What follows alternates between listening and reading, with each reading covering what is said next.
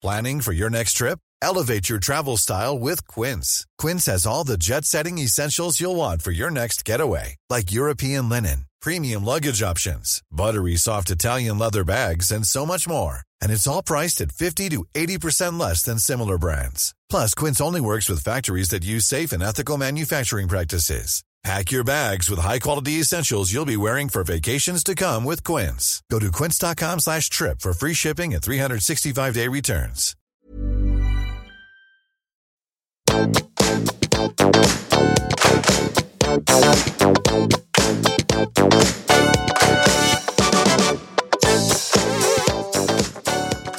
Hallo, Lene Alexandra, er du på linja? Det er jeg. Du, så hyggelig at du har tatt deg tid til å rett og slett la meg og alle lytterne bli bedre kjent med deg. Eh, Du er jo ute med en ny spenstig bok som vi skal komme tilbake til. Men før vi setter i gang, så tenker jeg at jeg skal starte med det spørsmålet som jeg spør alle om, og det er Husker du tilbake hva du ville bli når du var liten? Ja, det husker jeg veldig, veldig godt. Eh, Jeg var jo veldig aktiv som liten på veldig mange måter, egentlig, og hadde store ambisjoner. Eh, Og jeg, jeg sang i skolekor, og jeg spilte håndball og fotball. Og jeg vet ikke, når man er barn, så tenker man jo at alt er mulig. Eh, Og jeg så mye på MTV, så jeg nok litt, er nok litt preget av det. Eh, Så jeg tror jeg var sånn fire år da jeg bestemte meg for hva jeg skulle bli. Og da satt jeg under Donald-lampa mi på mitt rosa jenterom og leste ukeblader som bestemoren min hadde kommet med. Eh, og så, så var det jo så mange velkledde, fine mennesker i de bladene, og så spurte jeg moren min sånn Du, mamma, hva er det egentlig de jobber med? Og så sa mamma at eh, ja, nei, det er skuespillere og artister. Og da bestemte jeg meg for at det skulle jeg bli. Wow. Og det, det som er fascinerende, at det sant, kommer jo Man tenker gjerne sånn Oi, det var litt tilfeldig hva jeg skal bli, og det kan det være. Men at vi ser allerede fra vi er små, da, så kan det være noen små ting, enten det er rollemodeller eller ukeblader eller noe vi ser eller opplever, som på en måte kan legge noe av grunnlaget for noe av det vi tar med oss videre, da. Fordi var, var dette noe du liksom du snakka om i familien din, og så sa de 'yes, det skal du gå for', etter hvert som du ble eldre, eller endra disse tankene seg om hva du skulle bli, eller opplevde du støtte rundt det? Ja, jeg, jeg trente jo veldig aktivt håndball, så jeg hadde jo lyst til å komme på landslaget også. Så jeg hadde jo flere drømmer sånn sett. Um, moren og faren min har jo aldri satt noen grenser for meg. Eh, så jeg har jo kunnet bli hva jeg har lyst til å bli. Um, og mamma har jo vært sånn superheia-gjeng som Ja, alt er mulig og uh, heiet uansett nesten hva jeg har gjort. Eh, mens uh, broren min han knakk kassetten min i to da jeg øvde på å synge og sånn, så det har vært både motgang og medvind. Men du, det er så fint, og litt som du sier, at moren din heier på deg. For nå er det veldig mange unge, og spesielt unge voksne, som skal velge både ungdomsskole og videregående. Og veldig mange opplever jeg også er prega av hva foreldrene mener. Eh, og det å liksom oppleve en sånn form for støtte, da, tenker jeg er enormt viktig. Selv om man kan jo ha noen av disse, disse perspektivene, eller hvorfor tenker du det er lurt, eller hvorfor vil du gjøre det, at man kan ha noen av de samtalene. Men opplevde du noe stress og press, kanskje du ble litt eldre, rundt kanskje valg av utdanning eller karriere, som mange opplever nå? Eller er det liksom Er det, er det et nytt fenomen? Det, det er ikke noe fasit, jeg bare spør, for jeg er nysgjerrig. Eh, Jeg har aldri opplevd noe press og stress i forhold til hva jeg skal bli. Eh, Jeg har alltid bare fulgt eh, intuisjonen og gjort det som har falt naturlig. Eh, Og det ene har bare ført med seg det ene og det andre, holdt jeg på å si. Men jeg har jo lagt merke til det du snakker om der selv, at det er mange som blir presset inn i noe pga. foreldrene sine verdier. da. For eksempel, jeg går jo på Bjørknes nå, for eksempel. Eh, Og der hører jeg mange sånne type historier, at kanskje de er litt styrt av hva foreldrene vil og synes de bør. da. Kanskje foreldrene synes man burde få å bli lege eller ingeniør, ikke sant? Mm. Og, og det er derfor også det som fascinerer meg også når du sier da at eh, du har hatt den friheten egentlig til å være deg. For hadde du da denne altså disse, den interessen eller tanken om artist, og følte det deg gjennom ungdomsskolen og videregående? Eller, og så sa du dette med håndball, men var det noe annet som kom til, eller noe som endra seg underveis?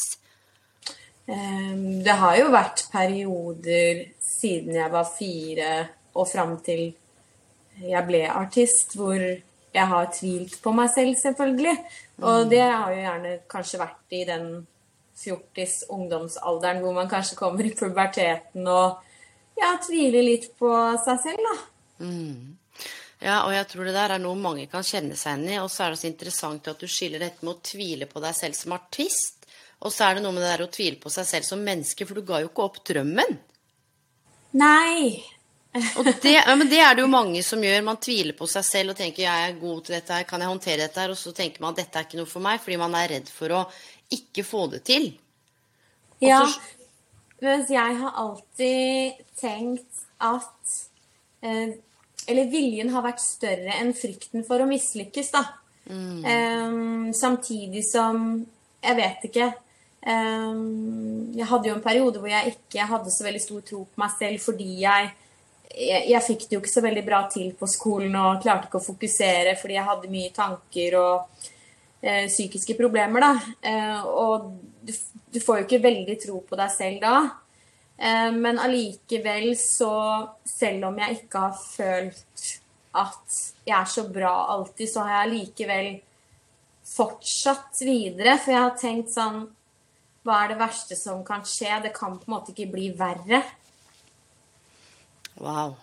Det, eh, jo, men det er innsiktsfullt, særlig når man er ung, da, men også nå som vi begynner å bli mer voksne. Og så sier du dette med Vi skal ikke gå inn i dette med, med som du sa, psykiske problemer, psykiske utfordringer. Men var det noe som ble tatt tak i da?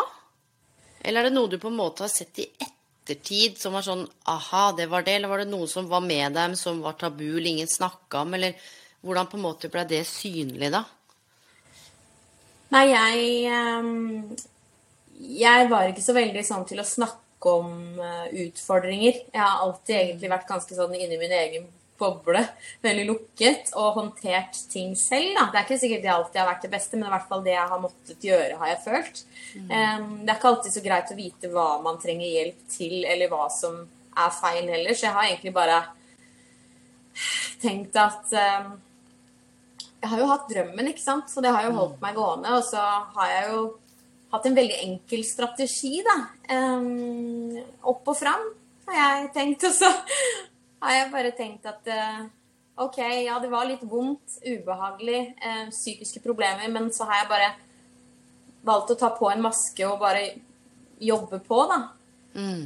Jeg har tenkt at ja, men det, det kan ikke bli verre enn det har vært. Så uh, jeg tror kanskje det er en fordel egentlig å ha hatt litt sånn utfordringer i livet, da.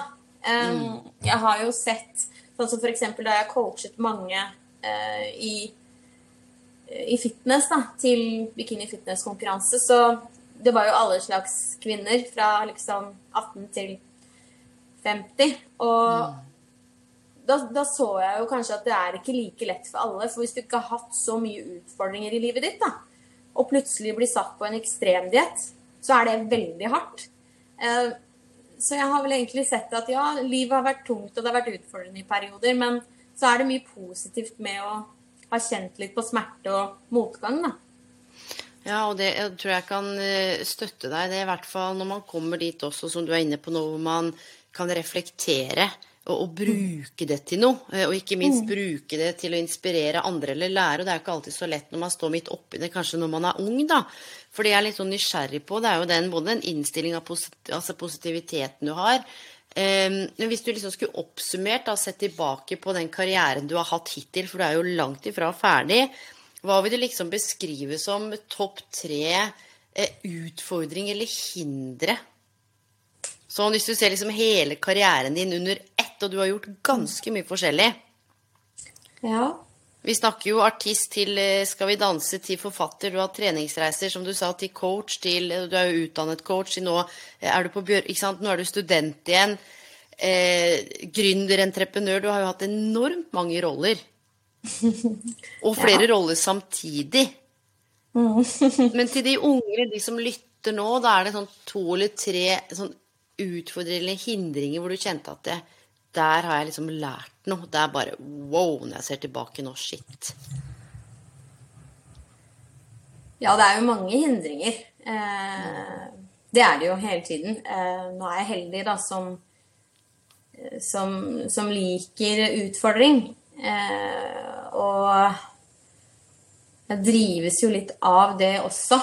Mm. jeg trenger litt sånn motstand, action og adrenalin. nå har jeg roet meg litt da, de senere mm. årene, men hva jeg har lært mest av Det som kanskje har vært mest utfordrende, er jo, er jo rett og slett mannfolk og seksuell trakassering opp igjennom, for å være helt ærlig. Ja. Mennesker som som eh, utnytter sine posisjoner og prøver å liksom Ja. Det har kanskje vært mest slitsomme. Mm. Um, men det jeg kanskje har lært mest av Og det er vel kanskje når jeg plutselig ble leder uten å egentlig ha hatt noe sånn stort ønske om det, mm. og grunnet et selskap som eksploderte. Og jeg hadde, gått, jeg hadde trent næringslivsleder i mange år og, og lest alle bøkene og allikevel Herregud, for en bratt læringskurve. Altså mm. Ingen dager er like, og, og, Ja, du prøver å være en dyktig leder, men du, du kan ikke bli likt av alle, og du kan ikke alltid være dyktig. Så, så det, var, det, var, en skikkelig aha-opplevelse for meg, faktisk, å, å, å lære at det er ikke alle som brenner for å jobbe sånn som meg, og som ønsker å tjene over en million i år og ja, går ut og selger og jobber det, det, er ikke vanlig, da. Så jeg mm. fikk en liten sånn reality check mm der, da. Også, og også det der at uh, mennesker motiveres av ulike ting, da. Noen eh, er mest opptatt av det sosiale. Eh, noen å være en del av noe. Så det er ikke alle som er kanskje like sånn resultatorientert som jeg er, da. Jeg, jeg, visste ikke at det var noe som var uh, unikt. Nei, men Er ikke det fascinerende? Og i tillegg, som du sa, at du trengte litt i hvert fall før, adrenalin og litt kick og litt motstand. At det er noen som virkelig bygger stein for stein, mens andre får helt panikk og bare detter av. ikke sant? Eh, og dette her, hvorfor jeg spør om det, er også fordi at det er veldig mange som lytter som enten ikke har møtt på noen hindringer, eller har møtt på hindringer, og det å på en måte Altså, Vi kan ikke planlegge for alt. Livet er uforutsigbart og komplekst. og Hvem visste at du skulle kanskje bli leder da, for 15 eller 20 år siden? At jeg skulle hatt lederroller? Det var ikke noe at jeg satt og planla det når jeg var fem år. Og plutselig så står du i det, og så skal du håndtere det. Mm. Og så oppstår det jo masse, som du sier, i kjølvannet av det som bare Hæ? Ja. Nei um, Jeg jeg vet ikke hva et liv uten utfordringer og problemer er. Mm. og det er nok også derfor jeg har jobbet mest med prestasjon, kriser og endringsprosesser. Fordi det er jo det jeg kan mest om. Eh, mm. og jeg, jeg syns jo det er interessant noen ganger når jeg overhører noen si sånn at de venter på, venter på å bli oppdaget på Instagram. og da tenker jeg sånn det er virkelig ingenting som faller ned i fanget på deg. Og uansett hvor stort talent du er, så mm. er det ikke alltid de som har det største talentet, som kommer lengst. Eh, så jeg for min del, jeg, jeg har alltid vært veldig sånn eh, ydmyk, vil jeg si, og opptatt av å jobbe hardt og dedikert. Og jeg har aldri trodd at noe kommer gratis. Mm. Um, så det å bare fortsette og fortsette, og så får du deg noen slag i trynet, og så Ja, det var jo ikke så kult, men uh, ja. Mm. Man må jo bare fortsette. Ja, så tenker jeg det som er litt sånn unikt med deg, sånn som nå er jo du på nå, det har vært veldig mange gjester på, så er det ikke alle som har vært i offentligheten sånn som du har vært i veldig lang tid. Um, og det jeg kjenner på, det er jo hva, Media skal jo skrive om ting, og, og dette handler ikke om noen av mediene spesielt, men hva er det som gjør at vi skal mene så mye om alle andre hele tiden? At det er en eller annen avis eller et blad eller jeg på innsatt, at jeg skal mene noe om hvem du er, basert på nesten ingen informasjon. Det tror jeg er noe av det som provoserer meg mest generelt. at og du ser jo det er mye nettråling, det er veldig mye rart på gang nå, og alle har jo rett til mening og sin ytringsfrihet. Mm. Men det må være veldig slitsomt å skulle mene så veldig mye om folk hele tida. Ja, jeg har jo ikke helt det problemet.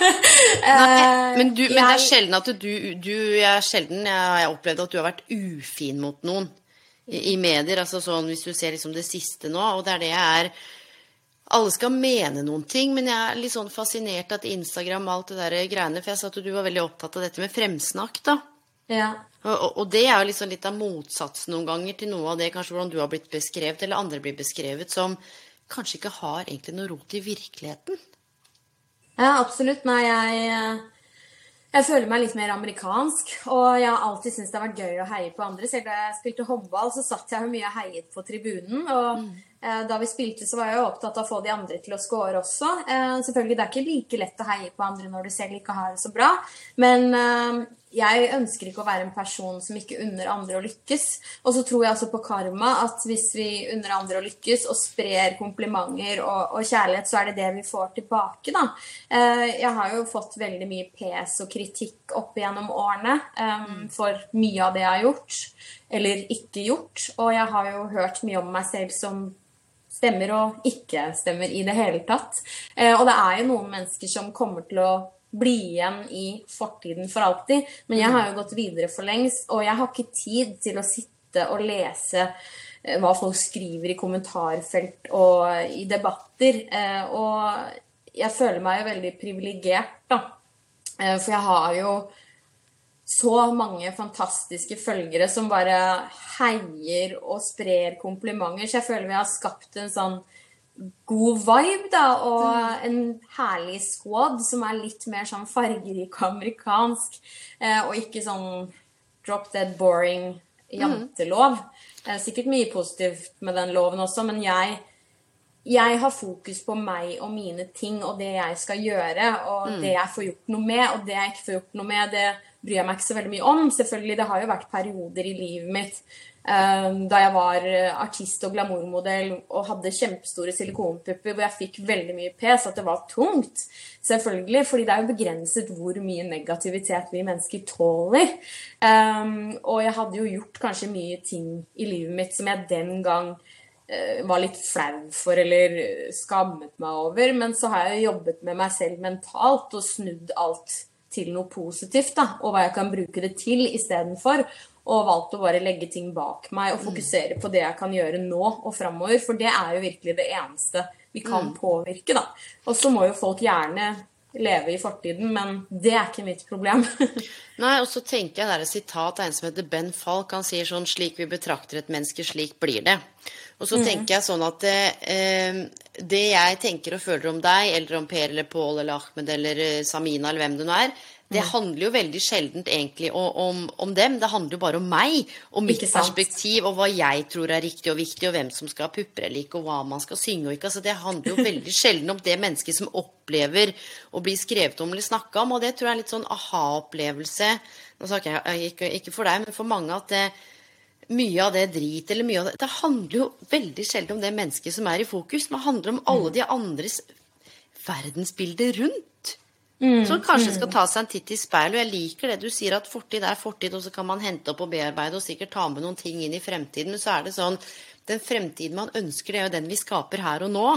Med det mm. mindsettet vi har, og de verktøyene. Og jeg tror liksom når du beskriver litt av de hindringene, så sitter det folk som kan kjenne seg igjen, ikke sant. Og jeg tenker at det, det at du har kommet dit du er i dag, da, hva er det Du snakka om litt sånn adrenalin og kanskje litt stahet utholdenhet, men hvilke andre ting er det du opplever at du har måttet utvikle på veien, eller lære deg, eller er det noe verktøy eller modeller, noe som har gjort at du har liksom kommet dit du er i dag, da? Ja, det er definitivt å svelge kameler. Ja. Ja. Det har svelget mange kameler. Det Ja, noen ganger så er det best å bare holde kjeft og smile pent, for å si det sånn. At det er ikke jeg så god på. Nei, egentlig ikke jeg heller. Men uh, hadde jeg ikke vært god på det i noen perioder, så hadde jeg aldri i verden vært der jeg er i dag. Mm. Uh, det, det, må jeg si. hm. Det var interessant. Jeg skal ikke spørre om, om hvem kameler, men jeg tenker Nei, nei, jo, men det er jo sånn at det er i livet så man er jo nødt for å gjøre det. Men så er det jo liksom litt sånn som vi er inne på på et eller annet tidspunkt, så må man enten ikke gjøre det eller finne andre veier rundt. Men du må jo ha vært god på det, du. Du har jo vært i næringslivet og hatt fast stilling. Ja ja, men jeg har Jeg har også hatt noen eh, runder. Ja, det kan jeg tenke meg. Eh, for å si det sånn, som kanskje handla om at jeg ikke har svelget noen kameler, men heller eh, slappa noen med noen kameler. Mm, mm. Eh, litt sånn, og det tror jeg handler litt om altså Moderen òg, hun kommer fra bygda, fra Hurum eller fra landet, oppvokst med liksom brødre. Hun har sagt at faen må klare deg sjøl, stole på deg sjøl, ta igjen, må aldri finne deg noe dritt. Altså, hvis Oi, man prøver kult. seg på noe. Så kult at du har hatt en sånn mamma. Ja, hun var, eh, og hun var liksom Du må bruke stemmen din og opp og faen, skaffe deg en plattform, liksom. Jeg husker i første klasse så hadde jeg ikke sagt noe til mamma og pappa. Så bare gikk jeg opp på 17. mai og tok mikrofonen og hadde avtalt med rektoren at jeg skulle synge 'Alle fugler små de er'. Skjønner du? Hele, hele Tårnåsen skole var full, og der sto jeg og bomma litt på teksten, og foreldrene mine bare hva er det hun driver med? Og jeg bare woo, ikke sant? Kjente på sånn adrenalinpump og sto på scenen, og siden så har det jo fortsatt. Men, eh, men, men, men det handler litt om ikke sant, noe av den backingen du, som du har fått av moren din, og nå som moderen har sagt, at bare aldri finn deg i noe. Eh, så det er nok noe jeg har tatt til meg, om det har vært noen som har liksom prøvd seg, eller skjønner du, eller vært ufine. Så jeg har tenkt sånn We're not going down that road, det tar vi her. Eh, og jeg skal fortelle deg en gang, så satt jeg i en eh, lunsj, og da var jeg innleid som konsulent. Det er samme hvor det er hen, men da hadde jeg på meg et stripete skjørt med vertikale striper, du vet sånne som går på tvers. Da var vi 15 stykker rundt bordet, og så er det en som lener seg, så sier han sånn Du, du får skikkelig fin rumpe i det skjørtet. Ja, ikke sant? Ja, for Og så- meg er det hverdag. Ja, ja, men det jeg gjorde da, da tok jeg, og så plinga jeg i melkeglasset, vi spiste lunsj, og så sa jeg sånn Folkens, eh, jeg må fortelle dere noe. Eh, og så sa jeg navnet til han som satt ved siden av meg, da. Du, han eh, sa akkurat noe til meg, så jeg bare tenker at vi må lufte her nå. Nå skal vi liksom gjøre en sånn eh, Skjønner du? Og jeg har aldri sett noen bli så satt ut. Så sa jeg, er dere klare for å høre? Vet du hva, jeg så han bare Og så tenkte jeg sånn, skal jeg gjøre det eller ikke gjøre det? Så så jeg på han, så jeg bare Nei, bare glem det. Jeg tror det, det med å svelge kameller kan jo være mye. Det kan jo være en eller annen oppgave du hater som du bare må få gjort, til på en måte det planet vi er inne på nå, da.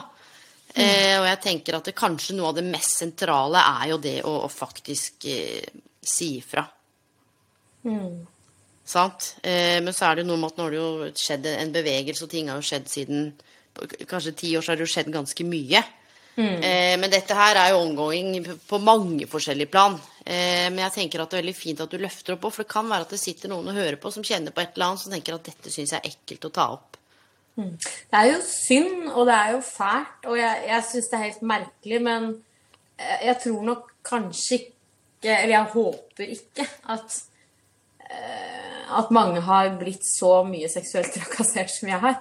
Eh, Du sier jo at du ikke har merket noe særlig til det. Jeg har kanskje vært litt mer utsatt eh, pga. Mm, den nettopp. tidligere imagen jeg hadde, men allikevel, altså. Ja, ja, det- jeg syns, allikevel det er helt forferdelig. Altså i seriøse, store selskaper, eh, i stillinger du har, og så Ja, ja.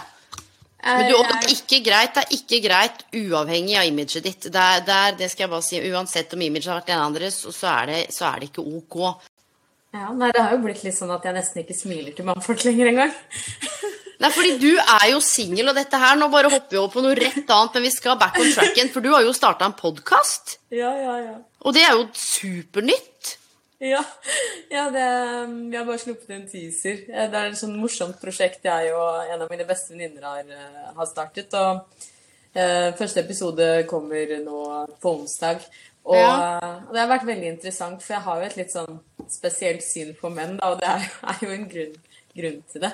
Så ja, jeg, jeg blir aldri helt klok på, på de, så det er en liten sånn eh, reise hvor vi skal forske litt på det og prøve å ja, forstå det mer, da. Men kjærlighet og ambivalens, altså jeg, Er det det bare- podkasten heter? Nei, eh, det er ikke deg, det er meg. eh, heter podkasten. Ah, Men det handler jo om menn, kjærlighet og Ja, ja. ambivalens. Og jeg Det viser seg at jeg er veldig ambivalent til Ja. venn og kjærlighet, da. Så det er det vi snakker mye om. Og ja, det er alt ifra ganske sårbare, sårbart og kleint. Um, Alvorlig, men også latter og fjas. Spennende, så den slippes nå. Ok, ok, men folkens, kjære mine venner, det er jo en ny podkast å lytte til, da. Det er kult. Ja, Men jeg du, og- tror, tror, tror nok at en del vil kjenne seg igjen. Ja, ja, men det er jo det som er hele greia, at det er litt neppe og litt folkelig, at man kan kjenne seg igjen. Og dette her tenker jeg litt sånn tilbake til det vi snakka om med karrieren din nå, da. Hvis du skulle gitt 20 år gamle deg eh, noen karrieretips eller noen karriereveiledning, hva er det du skulle sagt til deg sjøl da? Ja, hva skulle jeg sagt til meg selv? Hva er det du hadde trengt å høre?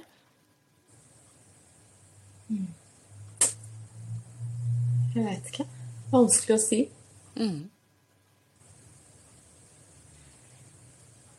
I hvert fall, eh, Men det, det vet jeg jo, og det har jeg jo egentlig alltid visst, da, at um, There is no such thing as a free lunch. Altså Du må bare jobbe hardt, og så er det ingenting som kommer gratis. Man må på en måte fortsette. Og du har bare fortsatt og fortsatt, du. Du har liksom aldri gitt deg. Ja, nei, altså jeg, får, jeg har jo fått noen uh, skrammer her og der, da. Um, men hva skal man gjøre? Man kan jo ikke bare gi opp og slutte. Altså, jeg har jo hatt, hatt noen pauser her og der. Men det må har du gjort i de ha. pausene? Nei, jeg har uh, fokusert på selvutvikling, da. Mm. Så det å hele tiden se hva kan jeg forbedre? Hva er det jeg må jobbe med for å komme meg videre? Og noen ganger så opplever jeg at det er lurt å ta ett skritt tilbake, for så å ta to fram. Når du kanskje får deg litt mange slag i trynet, da skjønner du kanskje at ok, men nå nå har jeg kanskje bomma litt. Så da må man jo prøve å finne en lurere vei, da. For nå er du jo Hvor gammel er du nå? Jeg spør rett ut om alder, altså. Jeg er så gæren. Nei, jeg blir jo 40 i år. Woo! Jeg føler meg ikke 40 i det hele tatt. Og det er sånn Jeg henger jo med de på sånn rundt 20 på Bjerknes, og jeg føler vi er helt på nett. Ja, ja. Men du, det tenker jeg, det er helt lov. Og jeg tror at dette med sant, jeg kommer at til å bli sånn voksen, hvis du skjønner. Jeg har ikke noe sånn stort ønske om det heller. Nei, og jeg, og jeg tenker sånn 40-50, altså alder er bare tall, og det hører man som en sånn klisjé, men jeg tenker også at det er mye, mye sitter jo i, i hodet, og de mennesker man er med, og det samfunnet man er en del av. Og nå er det jo sånn at du har jo gitt ut en bok nå nylig. Hva, hva var på en måte tanken bak den, eller hvordan kom den til? For da har du på en måte, som du var inne på, du har artist, du har, du har vært innom glamourmodell, du har vært på Skal vi danse, du har jo gründa og vært leder i en bedrift som eksploderte ganske godt. Hva, hva mer er det du har gjort, da? Ja, nei, jeg har jo PT, coach. Ja, vært med i Grand Prix et par ganger. Hatt Ja. hits i mange land og ja, deltatt eh, Eller opptrådt på VG-lista topp 20. Jeg har løpt maraton nå. Å, herregud. Så det, nei, jeg husker ikke alt engang. Det har blitt ganske mye. Eh, Så har jeg hatt to, to bestselgende bøker nå, da. Og jeg, jeg, jeg har jo ikke gjort ferdig skolen. Så det er jo ganske utrolig. Så selv om, selv om ikke alt går etter planen, så kan det være mange muligheter, da. Eh, Jeg skal ta norsk i høst, faktisk. Eh, Men uh, med den boken som jeg ga ut nå Jeg skulle jo egentlig ikke gi ut flere bøker. okay. uh, Men jeg, jeg, jeg klarer ikke la være. Jeg elsker å skape, og jeg liker å ha ting å gjøre. Og drive med forskjellige prosjekter og realisere og gjennomføre. Og, eh, ja, både det å skape og planlegge, men også det å ja, gjennomføre, da, syns jeg er veldig deilig. Det gir veldig sånn mestringsfølelse. Uh, og eh, jeg skulle ikke skrive flere bøker. Uh, fordi det var så stressende før deadline sist gang. Og så gikk det litt tid, da, og så får jo jeg ideer hver eneste dag. Og så begynte jeg bare å skrive litt i et Word-dokument her og der. Og så var vel egentlig sånn mye av arbeidet ferdig sånn i ja, 2016-17-ish. Eh, men det var rett etter jeg hadde stilt i sånn seks fitnesskonkurranser på to år og grunnet et selskap som Ja, for det har du jo også da. gjort. Ja. Ja, så det ble litt mye, og så, og så var den boken ganske ekstrem akkurat da. Så jeg jeg trengte å, å, å, kanskje endre meg litt før, før tiden var inne, da. Mm. Eh, og den var nok litt for ekstrem i starten. Og så um, fikk jeg en del tilbakemeldinger på det, og så gikk jeg gjennom en liten slags endringsprosess. Og så var det vel eh, Jeg skulle innom eh, en venninne som jobbet på, på Gyllendal, og så skulle jeg egentlig spørre om noe angående kokebøker, bare sånn for gøy, for jeg var nysgjerrig på, på det og ja, litt sånn forskjellig. Og så foreslo jo hun at jeg skulle gi ut bok, da. Men hun visste ikke at jeg hadde en bok liggende da. Og så, og så sendte jeg over den, og så ja, så hun potensialet i den og hadde veldig tro på, på meg og det prosjektet, da. Eh, og så ja, ble, det jo, ble, det jo, bok, da. Og og det, det, jeg er så utrolig glad for med den boken, er at eh, jeg har fått, fått frihet til å være meg, da. Og det er egentlig ganske sånn positivt overrasket over. Altså, det er jo Gyldendal som har gitt den ut, et svært forlag. Og jeg er jo egentlig vant til at store selskaper eh, har litt mye meninger om hvordan ting skal være, så jeg føler meg veldig privilegert. Mm. Um, fordi det er jo en Lene Alexandra-bok. Den er jo veldig meg. Veldig sånn fargerik og ærlig. Eh, rett fram. For jeg ønsket å, å, å, gjøre noe som var litt annerledes. Eh, mm. Jeg har jo alltid følt at jeg er litt mer som amerikansk. Og det er vanskelig for meg å gå inn i en sånn A4-boks og være politisk korrekt og si at ja, bare du tar to knebøy i hagen, så kommer du til å bli kjempefitt. ikke sant? Jeg, jeg, vet jo litt for mye om hva som egentlig er realiteten, da. Mm. Eh, og jeg ønsket å, å, være ærlig, for jeg ønsker ikke å lure leserne eller følgerne mine.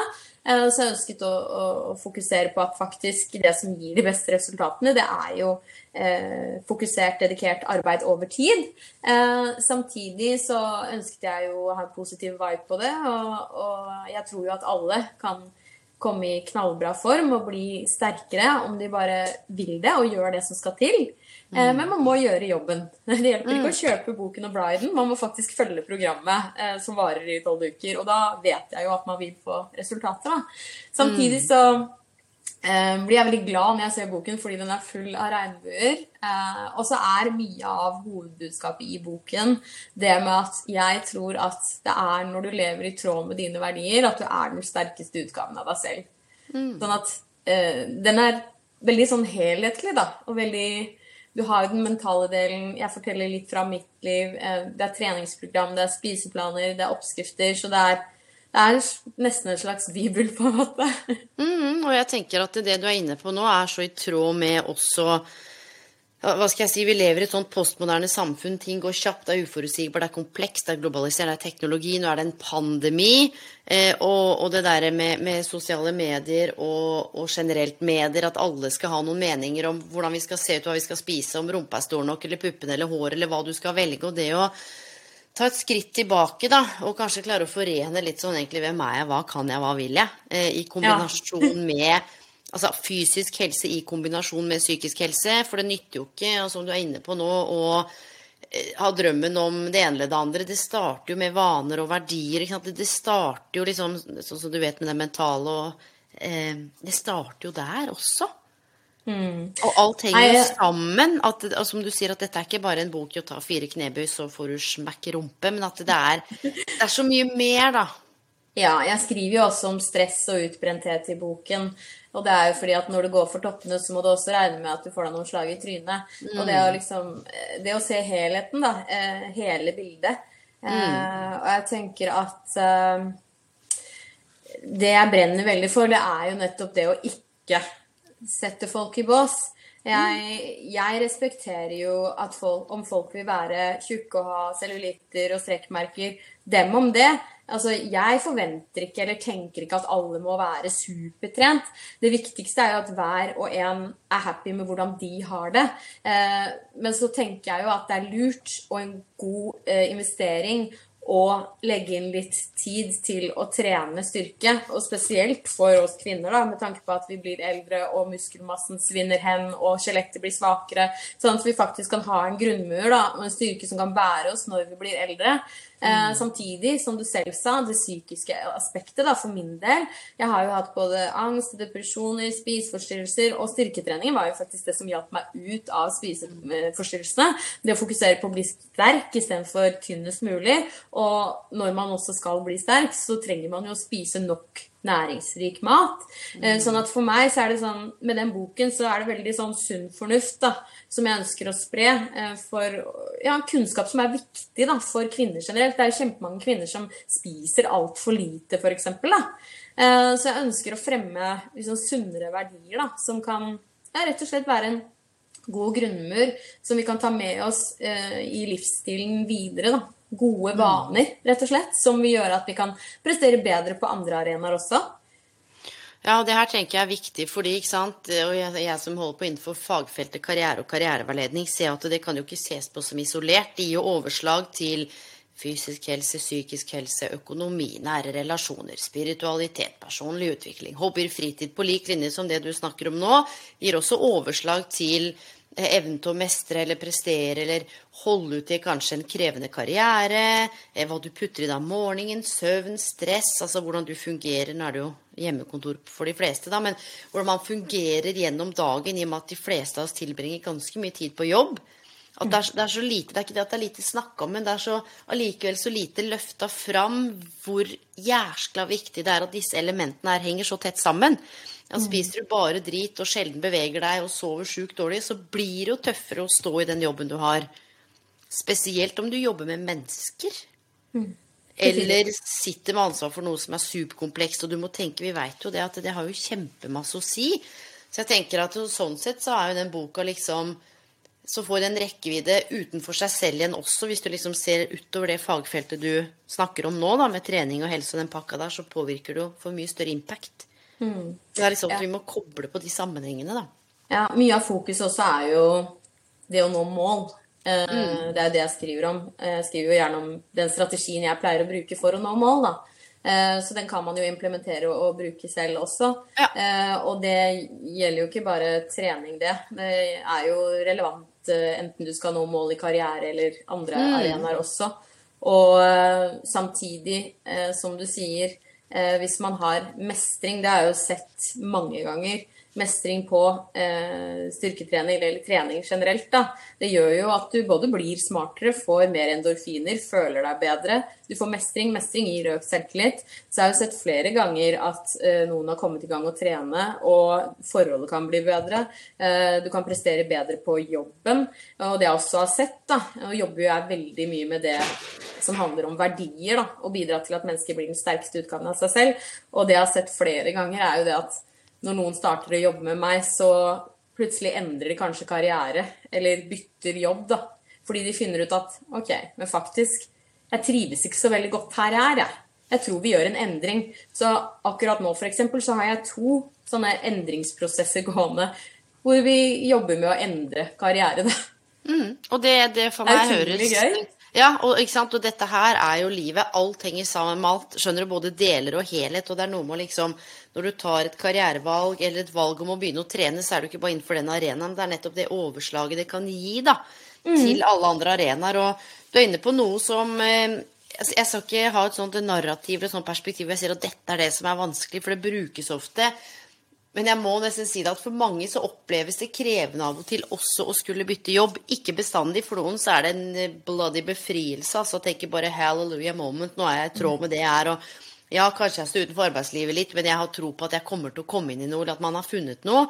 Men det er noe med det at for mange så er liksom endring Eh, utfordrende, spesielt med tanke på karriere. Og du igjen har jo hatt flere karrierer. ja. hva, hva, vil du si på en måte er den røde tråden din da, gjennom eh, Lene Alexandra, fire år, har lyst til å bli artist, og liksom opp til i dag? Hva, hva, er det som knytter alt sammen, som gjør at det egentlig ikke er så rart at du har gjort så mye forskjellig? Eh, interessant spørsmål. Eh, jeg har også lagt merke til det som du sier, at mange kan synes at det er skummelt å endre karriere. Eh, men jeg elsker jo endringer, og når noen kommer til meg, så klarer jeg jo ganske raskt å si de, tingene og stille de spørsmålene som gjør at de eh, ja, velger det som er best for dem, da. Enten det er å bli en jobb i 20 år, eller komme seg videre. Altså, vi har ett liv, da, og Ja. det er nå vi lever. Og det er, det er ikke noe poeng i å fortsette å være i en jobb hvor du blir trakassert av en psykopatisk leder, f.eks. Da kan det være greit å komme seg videre. Eh, Men for min del, da, så eh, grunnen til at jeg eh, har hatt en såpass fargerik karriere, hvis man kan si det sånn, med mye endringer, det er vel kanskje fordi at jeg ganske tidlig bestemte meg for at jeg aldri skal være i en jobb hvor ikke jeg føler at jeg eh, kjenner noe lidenskap, eller at det er i tråd med mine verdier. Så istedenfor at jeg skal prøve å passe inn i en boks eller en jobb, så skaper jeg heller en jobb som passer til meg og det jeg er god i, da. Eh, så det er sånn jeg har tenkt, da. Mm, Samtidig så tror jeg nok at eh, eh, den jeg er i dag, ville heller ikke hatt noe problemer med å gå inn i en stilling i næringslivet heller. Eh, Jeg tror bare det er viktig å ha en åpen dialog og være tydelig på hva man er god på og ikke god på. Eh, Og rett og slett Det handler jo om selvinnsikt, da, da, ikke sant? Og, og det å tørre å si det høyt også, som du er inne på nå, si at dette her er jeg ikke så god på ennå, dette mestrer jeg ikke, men jeg kan lære. Vi kan jo ikke være gode på alt. Nei. Og så tror jeg at eh, Eller jeg tror ikke jeg vet, i hvert fall for mitt vedkommende, at uh, hvis jeg skal prestere best mulig, så er jeg avhengig av å ha god kjemi med de jeg skal samarbeide med. Eh, Så gjensidig respekt og tillit, det tenker jeg er utrolig viktig, enten, ja, uansett hvilke relasjoner det er snakk om, da, for at man sammen skal fungere på best mulig måte. Eh, Og det synes jeg jo er veldig spennende, da, i forhold til prestasjoner og næringslivet. Jeg har jo på en måte vært flue på veggen i mange selskaper i og med at jeg har ledet mange ledere i næringslivet, da, og får jo mye innsikt i hva som skjer der. Og det er jo, det er jo mye misforståelser og sånn, fordi vi mennesker er forskjellige, da. Og det er jo også mye mer psykiske problemer enn folk kanskje vet og forstår, da. Og så blir det mye krasj. Og så setter man ikke ord på det, og så går man rundt med disse fasadene. Så, nei, dette her er, dette hadde egentlig vært en egen podkast, for jeg er helt enig. Ja, jeg har jeg syns det er eh, så spennende. Jeg, jeg er jo litt sånn sulten på kanskje vurdere å studere litt sånn organisasjonspsykologi, for jeg syns det virker så spennende, da. Mhm. Løse opp i problemer og, og forbedre eh, resultater, det er jo gøy. Mm, og så tenker jeg at det der er jo litt av lidenskapen din, eller, eller nisjen, da. Sånn som du sa at du elsker jo dette med å skape resultater, som du sa når du hadde LA, eller hadde det selskapet ditt. Og så er, alle, altså er det ikke alle som helt er der. Ikke sant? Så det å liksom finne ut av dette med endringsprosesser, hva er det jeg er god på, hva er det jeg trives med, eh, og til mange unge som står overfor og skulle ta valg nå, så er jo det også en viktig greie å tenke litt på er det jeg liker å gjøre. For det betyr ikke at du skal ha den samme karrieren resten av livet. Det kommer til å ha masse forskjellige roller, og poenget er at du skal jo ikke bli noe. Du er jo noe allerede, men du kommer til å tre inn i ulike roller. Og så vil du utvikle deg underveis. Men jeg tenker sånn, Lena Lene Alexandra, avslutningsvis så har jeg noen eh, spørsmål til deg. Og det er Det ene er liksom Hva er det du er mest opptatt av nå, hvis vi tenker på eh, karriere? Hvor er det du er akkurat nå? Interessant spørsmål.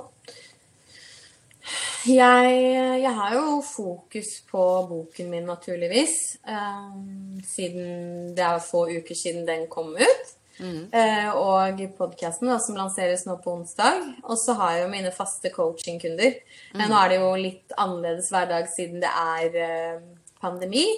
Eh, Så jeg jobber jo mer online enn jeg kanskje pleier å gjøre ellers. For jeg pleier å lede treningsreiser, kurs, workshops, Ja. bootcamps, holde foredrag og, og være mer utpå, da, hvis du kan si det sånn.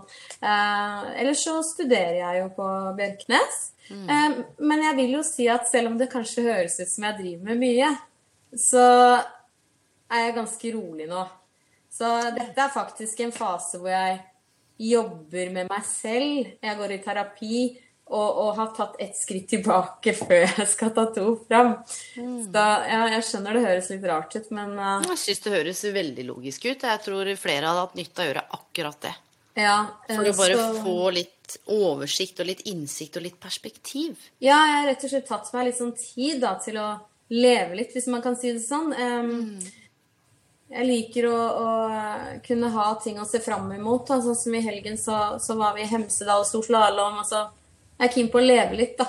Um, jeg har jobbet beinhardt tolv timers i årevis, og, og, det har jo vært hardt, og det har vært gøy, og jeg har lykkes, men det er viktig å leve litt. Altså, karriere er ikke alt. Um, samtidig som jeg liker å utvikle meg og utfordre meg selv, men det er noe med det å finne en sånn type balanse da, som man hele tiden jobber med å, å, å, finne. Ingen er vel der hele tiden, eh, tror jeg, men eh, jeg føler selv at jeg er på et ganske sånn bra, harmonisk sted. Da. Og så kjenner jeg jo også at jeg er inne i en, nok en endringsprosess.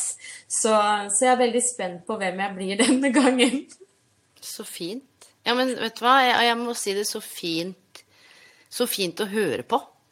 Eh, og så fin måte å fortelle det på, fordi vi er jo i endring. Ja, altså er det én ting vi med sikkerhet vet, så er det jo at vi kommer til å møte på endringer. Mm. Så det er utrolig viktig å være endringsvillig eh, og, og, løsningsorientert, da. Eh, for eksempel nå, eh, når denne pandemien kom ut, eller det ble pandemi, så har det jo vært mange som ikke klarer å se nye løsninger eller nye muligheter. Eh, men det er jo viktig å tenke mulighet framfor hindring. Fordi det er jo alltid flere muligheter. Mm. Og så tenker jeg også vi er prisgitt eh, Dette har jeg sagt i flere podkaster, folk er sikkert lei av å høre det, men vi er prisgitt som bor i Norge. Absolutt. Eh, og man kan eh, debattere og diskutere politikere og Bent Høie og det ene og andre. Jeg kjenner sånn, Det er på en helt annen, det, det kan man snakke om på et helt annet plan. Men mm. vi har nå et Nav som stort sett fungerer. Vi, vi ting fungerer relativt greit. Og som jeg har sagt før, både jeg og Kirby har jo venner i masse forskjellige land. Og du skal bare være fryktelig glad at du ikke er i noen av de landene, for da hadde du mest sannsynligvis vært ferdig eller mista noen. Ja, eh, så, så, det er noe med dette, disse perspektivene òg, selv om det er helt reelt å ha det kjipt og dritt. Og jeg tror ikke alle bestandig klarer å se løsninger, men det er det som du sier, også løfte blikket lite grann. Mm. Og så tenker jeg litt sånn avslutningsvis da, til alle som hører på nå, hva og dette her er jo et litt sånn rart og vanskelig og stort spørsmål, og så skal du liksom bare klemme sammen et svar. Og du veit ikke at jeg skal spørre om det, men hva er ditt beste karrieretips?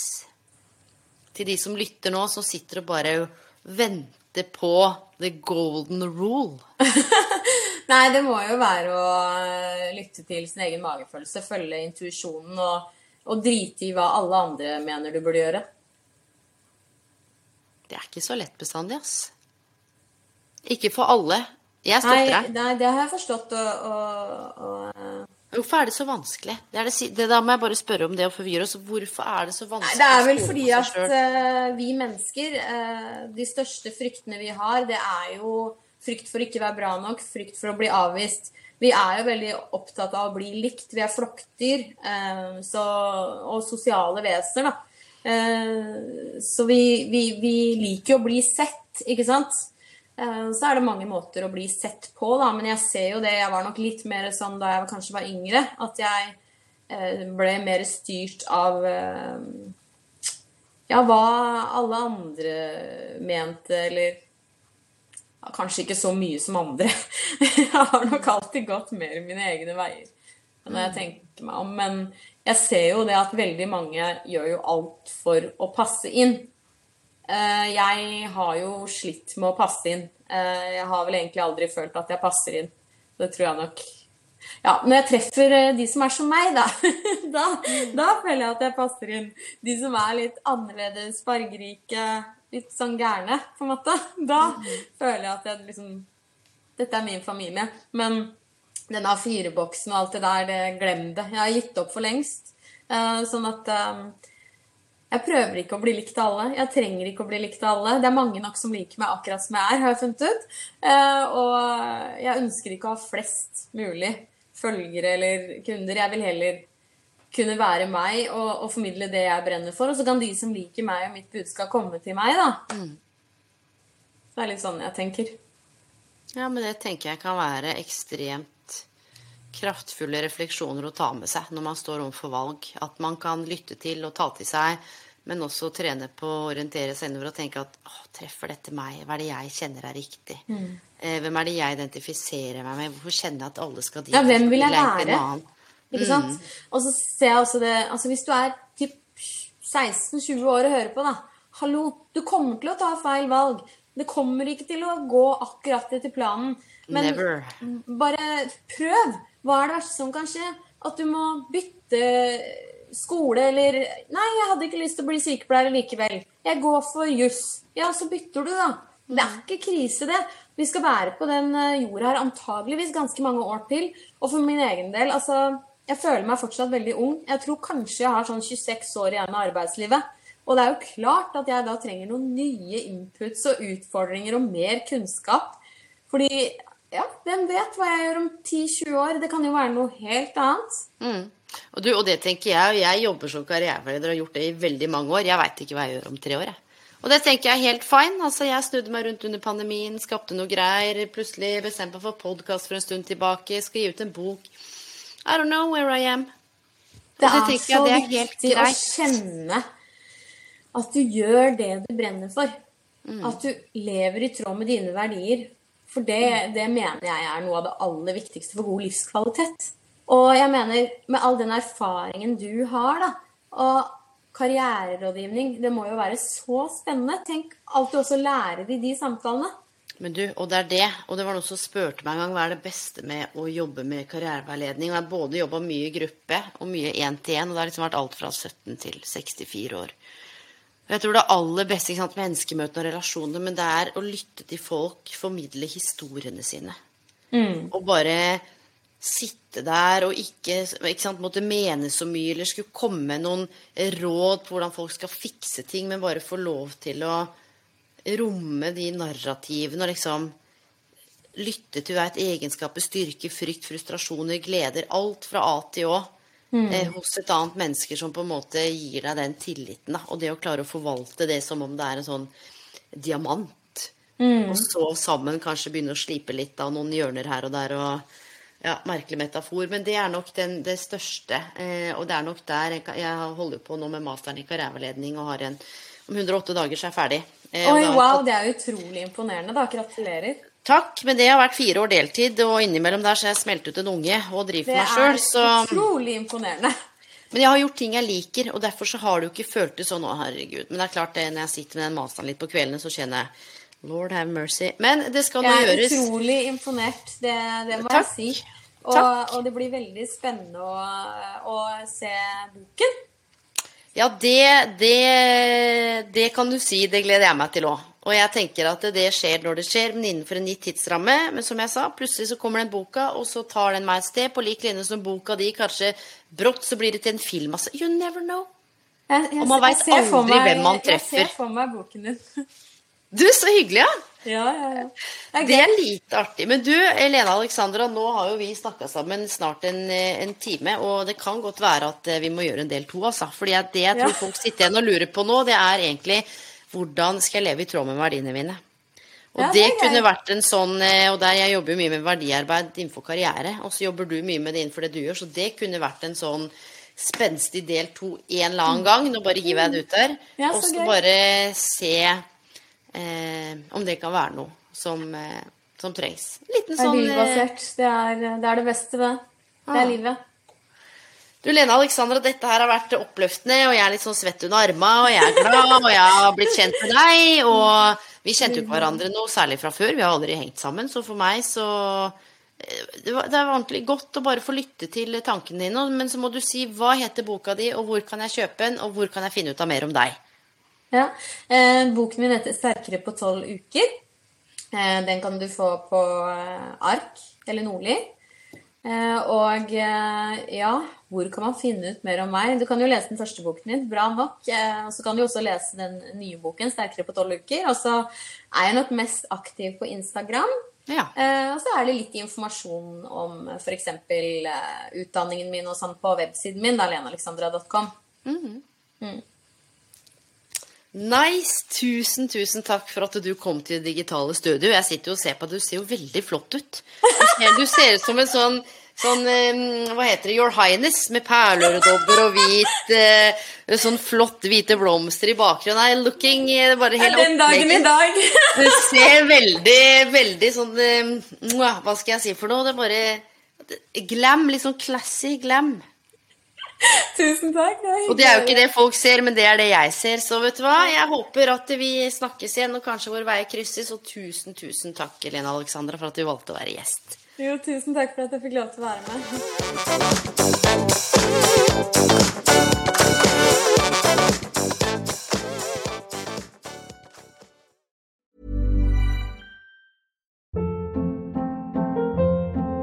Hold up. What was that? Boring. No flavor. That was as bad as those leftovers you ate all week. Kiki Palmer here, and it's time to say hello to something fresh and guilt-free. Hello Fresh. Jazz up dinner with pecan-crusted chicken or garlic butter shrimp scampi. Now that's music to my mouth. Hello Fresh. Let's get this dinner party started. Discover all the delicious possibilities at hellofresh.com. Hey, it's Paige DeSorbo from Giggly Squad. High quality fashion without the price tag. Say hello to Quince. I'm snagging high-end essentials like cozy cashmere sweaters, sleek leather jackets, fine jewelry, and so much more. With Quince being 50 to 80% less than similar brands. And they partner with factories that prioritize safe, ethical, and responsible manufacturing. I love that. Luxury quality within reach. Go to quince.com slash style to get free shipping and 365 day returns on your next order. Quince.com slash style.